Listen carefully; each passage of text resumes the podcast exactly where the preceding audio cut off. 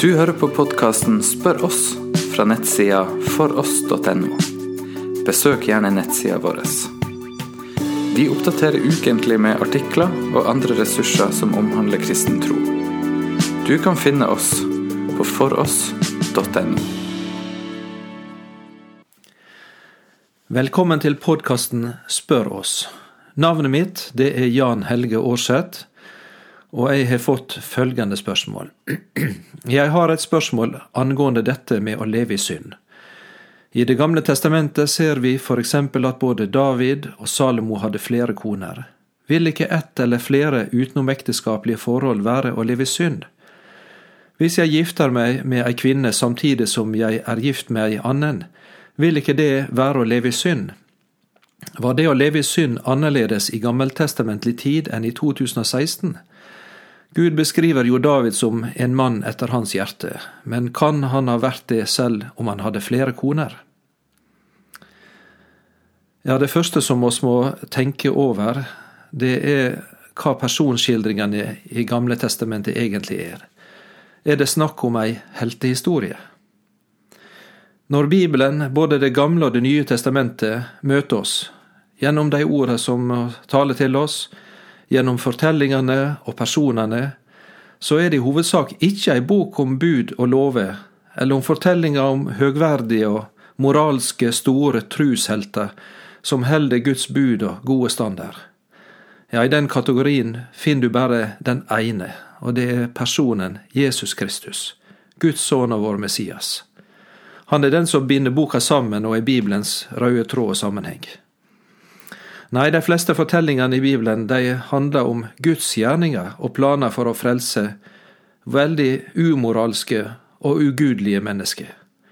Og de aller fleste av de menneskelige karakterene i bibelfortellingene våre, sjøl de mest trufaste av de, for eksempel David som er nevnt her i spørsmålet, de er moralsk tvilsomme sjøl på sitt aller beste. De blir gang på gang avslørte og bretta ut som den de egentlig er. De er fortapte, syndere, alle sammen, akkurat like oss, oss som lever nå.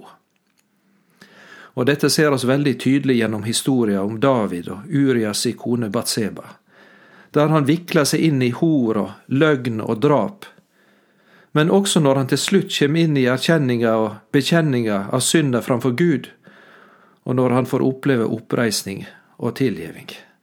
Det er nesten så å si vanskelig for å forstå at det er mulig.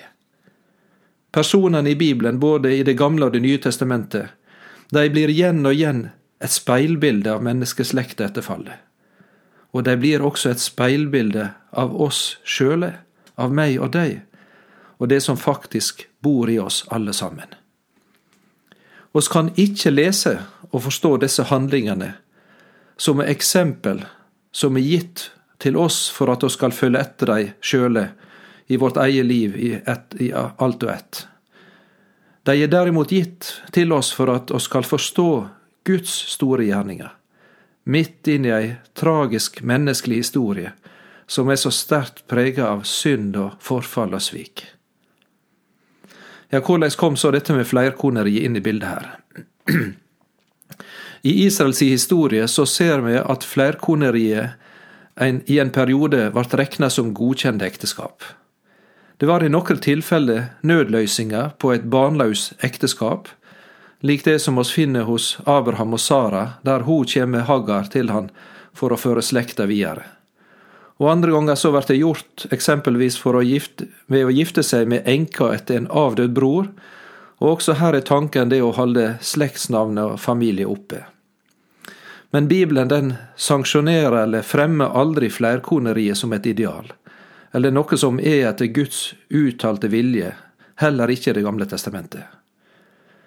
Seinere, etter patriarken Jakob, så blei polygami eller flerkoneri vanlig, og på den tida ikke regnes som et utenomekteskapelig forhold, slik som det blir sagt i spørsmålet.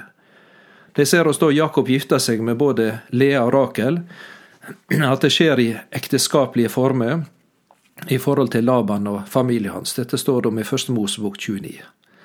Det som er tydelig, det er at de historiene som møter deg i Det gamle testamentet, også omkring polygami eller flerkoneriet, gang etter gang ender med ulykke og katastrofer for de som er oppi det. Og skal se på noen få eksempel fra Det gamle testamentet på personer som hadde flere koner, og den følgen de fikk, og den enden det ble med dem. Det første eksempelet som møter oss i Det gamle testamentet, det er Lamek. Han var den første polygamisten. Det var ikke en person som var preget av gudsfrykt, men en som sjøl ordna opp i sin sak. Og Vi finner i Første Mosebok kapittel 4 vers 19-24 historien hans, og det som preger den, det er hvordan han samler kone og familien si, og så skryter han av hvordan han tar seg til rette, hvordan han hevner og dreper i stor skala. Den neste personen som vi kan nevne, det er Jakob. Han har to koner og i tillegg to konkubiner, eller medhustruer, medkone, og du vil møte Jakob og hans heim som en svært konfliktfylt og en tragisk familiesituasjon, som knuser absolutt alle våre tanker om familieidyll. Og den gir grobunn for misunnelse, fiendskap og til slutt forsøk på drap. Ja, denne historien den blir bretta ut i Første Mosebok i kapittel 29 og helt fram til kapittel 37. Der får du detaljert høre om familieforhold i heimen. Og det er ikke så veldig lykkelige forhold. En annen mann som du møter i Det gamle testamentet, heter Gideon. Han hadde mange koner og mange sønner, det står om han i Dommerne 8.30. Men til slutt så fører de, disse sønnene hans, de inn i en konflikt og inn i en borgerkrig, og det hele det ender i et direkte blodbad i Dommeren kapittel 9. Ei stor ulykke skjer. Så er det David, som er nevnt i spørsmålet. Han ser ut til å ha en umettelig appetitt på kvinner. Og et, ifølge Bibelen så gifter han seg med mange koner, i 2. Samuels bok 5.13. Og til slutt så stjeler han også kona til en annen mann og dreper han i tillegg. I 2. Samuel kapittel 11 og kapittel 12. Den store familie som blir resultatet av Davids ekteskap, det er ikke ei lykkelig og ideell familie ut ifra Bibelen. Og at dette flerkoneriet og polygamiet ikke fører til velsignelse og lykke, det er det veldig lett å se i de fortellingene som vi møter oss fra David. At han må bære mange bitre frukter fra de valgene han gjorde på heimefronten og på det ekteskapelige området. Mellom alle problemer ender det mellom anna opp i incest og voldtekt, der Amnon forgriper seg på søstera si Tamar, og et familieopprør som er knytta til Absalom, som er mest gir ende på hele Davids kongedømme, i 2. Samuel 14 og videre. Ja, det er langt, langt ifra ei lykkelig historie, men heller gitt oss til skrekk og advarsel for de som leser dette i etterkant, slik som oss. Så er du nevnt også Salomo. Han hadde 700 koner og 300 konkubiner eller medkoner og det førte for Salomo til at hjertet hans blei ført bort ifra Herren. Og det førte også til sammenbruddet av Salomo sitt kongedømme, i første kongebok kapittel 11, 3-4. Der står det at konen hans førte hugen hans på avveg. Og da Salomo vart gammel, vendte kona hans hjerte til andre guder, og hjertet hans ble ikke heilt med Herren, hans Gud, slik hjertet av David, far hans, hadde vært. Ei trist, trist historie. Praksisen med flerkoneriet det minker av i kongetida, og er stort sett opphørt når vi kommer til nytestamentlig tida. Derfor blir ikke dette tatt opp direkte i de nytestamentlige tekstene. Ja, disse bibelske fortellingene de taler for seg sjøl. Polygami eller flerkoneriet det fører etter den bibelske linja og historia til katastrofe for de som er involvert, og ikke til velsignelse. Men hva sier så Bibelen om ekteskapet, Det gamle og Det nye testamentet.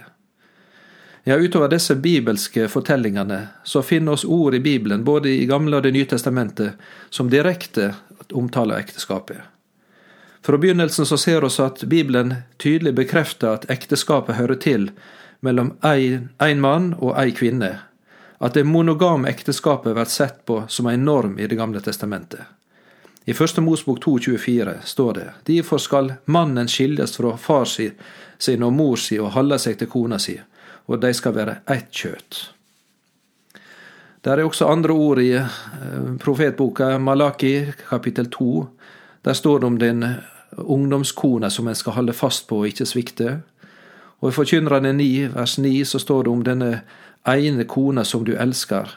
Eh, for det, det er din del i livet, i strevet ditt, den som Herren har gitt deg under sola. Denne positive bekreftelsen av monogamiet med den ene kona, den ene mann, fra første Mosebok, fra Det gamle testamentet, den gjentar Jesus sjøl i Det nye testamentet. I Matteus 19, vers 4-6, så sier han, han svarer og sa, har de ikke lest at Han som skapte deg fra opphavet, skapte deg til mann og kvinne, og sa derfor skal mannen forlate far sin og mor si og holde seg til kona si, og de to skal være ett kjøtt så er de ikke lenger to, men eit kjøt. Derfor er det som Gud har knytta sammen, det skal ikke mennesket skilje. Du finner ord som viser at polygami er, også er forbudt under den mosaiske lova. I 3. Mosebok 18, 18 så står det at du skal ikke gifte deg med søster til kona di medan kona di lever, så du vekker fiendskap mellom dem ved å leve sammen med dem begge. I Det gamle testamentet så finner oss også lover som prøver å avgrense noen av de verste effektene av flerkoneriet. Og ser at flerkoneriet ofte fører til sjalusi og til fiendskap, slik som det var nevnt her fra Tredje Mosebok. Eller det fører til forakt for den kona som en ikke likte så godt, og til avgudsdyrkelse, slik som hun så hos kongen. Ja, det står i Femte Mosebok, han skal ikke ta seg mange koner, så hjertet hans ikke skal komme på avveier. Det var problemet for dem. Og Det er også nevnt fra Mosebøkene, fra dette 5. Mosebok 21, 15-17. Der står det om at eh, dette at hvis en mann har to koner, ei som han elsker og ei som han ikke synes om, så skal ikke han gjøre urett mot det barnet som han fikk med den som han ikke holder om. Han skal gi han, eh, førstefødselsretten. Han skal ikke gjøre forskjellsbehandling.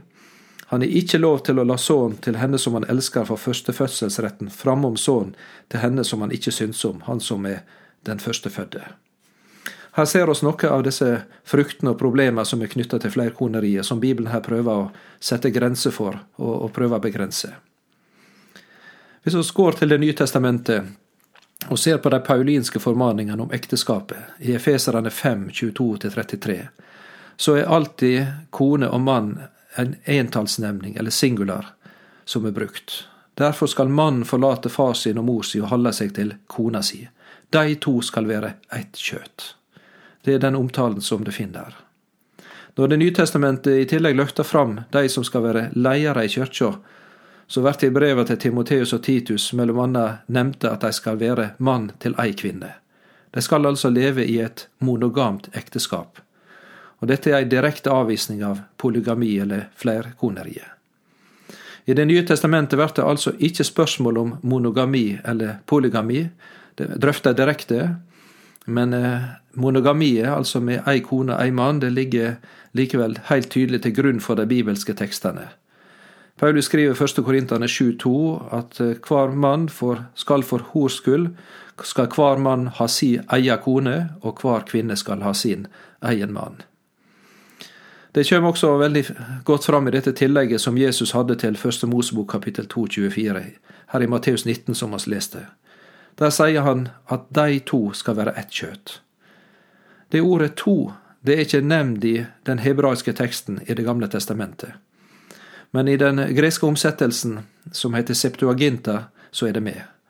Og Jesus han har nok særlig hatt tanke med å ta dette med, og her går han tilbake til situasjonen slik den var ifra begynnelsen av, altså ifra før syndefallet ifra skapelsen av. Ut fra disse bibelske prinsipper så finner oss grunn til at de fleste vestlige landa fram til i dag også har et forbud mot polygami eller flerkoneri. I Bibelen så ser oss at polygami eller flerkoneriet, på lik linje med skilsmissene, er en av realitetene i den syndige verden. Og i Moseboklova i Gamle testamentet så prøver en altså å regulere dette til et visst mål. Nå finner oss i dag kulturer og nasjoner som anerkjenner og praktiserer flerkoneriet, lik det vi har sett eksempel på fra Israels historie. Og I møte med Bibelens ord vil det alltid bli et oppgjør med skikker og tradisjoner som de. Dette med ekteskapet og flerkoneriet er imidlertid ikke alltid like enkelt å løse på en rett og enkel måte. Det er heilt umulig å stille klokka tilbake og begynne med blanke ark. For de fleste vil der i tillegg til kone være barn inne i bildet, noen eldre og andre yngre. Og hvem skal en da velge, om en skal ordne opp og leve etter Bibelen? De fleste tenker da at det må være den kone som en gifter seg med først, og råder dem til å skille seg med den andre og de siste. Og i mange tilfeller vil dette innebære ei mor med små barn som ikke kan forsørge henne, og det blir i så fall å skyve kona ut i fattigdom, uten vern imot overgrep og i mange tilfeller ut i et liv i prostitusjon og ødelegging. Det er et eksempel fra, fra en afrikansk sammenheng der jeg sjøl har bodd. I mange tilfeller så har en da råd mannen til å skille seg fra den som kanskje har barn som kan forsørge mor si, og at mannen da blir att med den som har de minste barna. Ja, dette er heller ikke enkelt, men det er det minste av de to vondene. Det er noe av de dilemmaene som vi står overfor i møte med slike kulturer, og det som er knytta til ekteskapet. Ingen av valgene blir heilt etter boka, samme hva en gjør og hvordan en stiller seg. Ja, hva er så Bibelens budskap til oss i dag, også med disse fortellingene og med Davids historie? Hovedsaka i bibelfortellingene, både i Det gamle og Det nye testamentet, det blir Guds frelse for ei syndig slekt. Den som er gitt gjennom sin egen sønn, Jesus Kristus, gjennom Han som døde og sto opp for oss alle. Det var det ordet også en polygamist, en flerkone, som, med flerkone som kong David. Det var det han måtte komme til, og derfor så er det håp for oss alle. I Bibelen er ikke polygamiet gitt som et eksempel på noe som oss skal følge etter. Men det er heller et eksempel på noen av de dårlige tinga som Jesus redda oss fra her i livet. David, han kom til Gud og bekjente og erkjente si stilling, og han tok imot tilgivelse i tru. Det er veien, ikke bare for David, men for hver en av oss i møte med synd, og i møte med det som trengs å tas oppgjør om. Det er ikke så mange av oss som hører dette som kanskje er frista til polygami, men oss er frista til andre synder, som ofte ikke er så synlige. Og veien den går på samme vei som David, inn i oppgjør og bekjennelse og til tilgivelse gjennom trua på Jesus. Du har nå hørt podkasten Spør oss. Still flere spørsmål, se andre ressurser, og vær gjerne med å støtte oss på foross.no.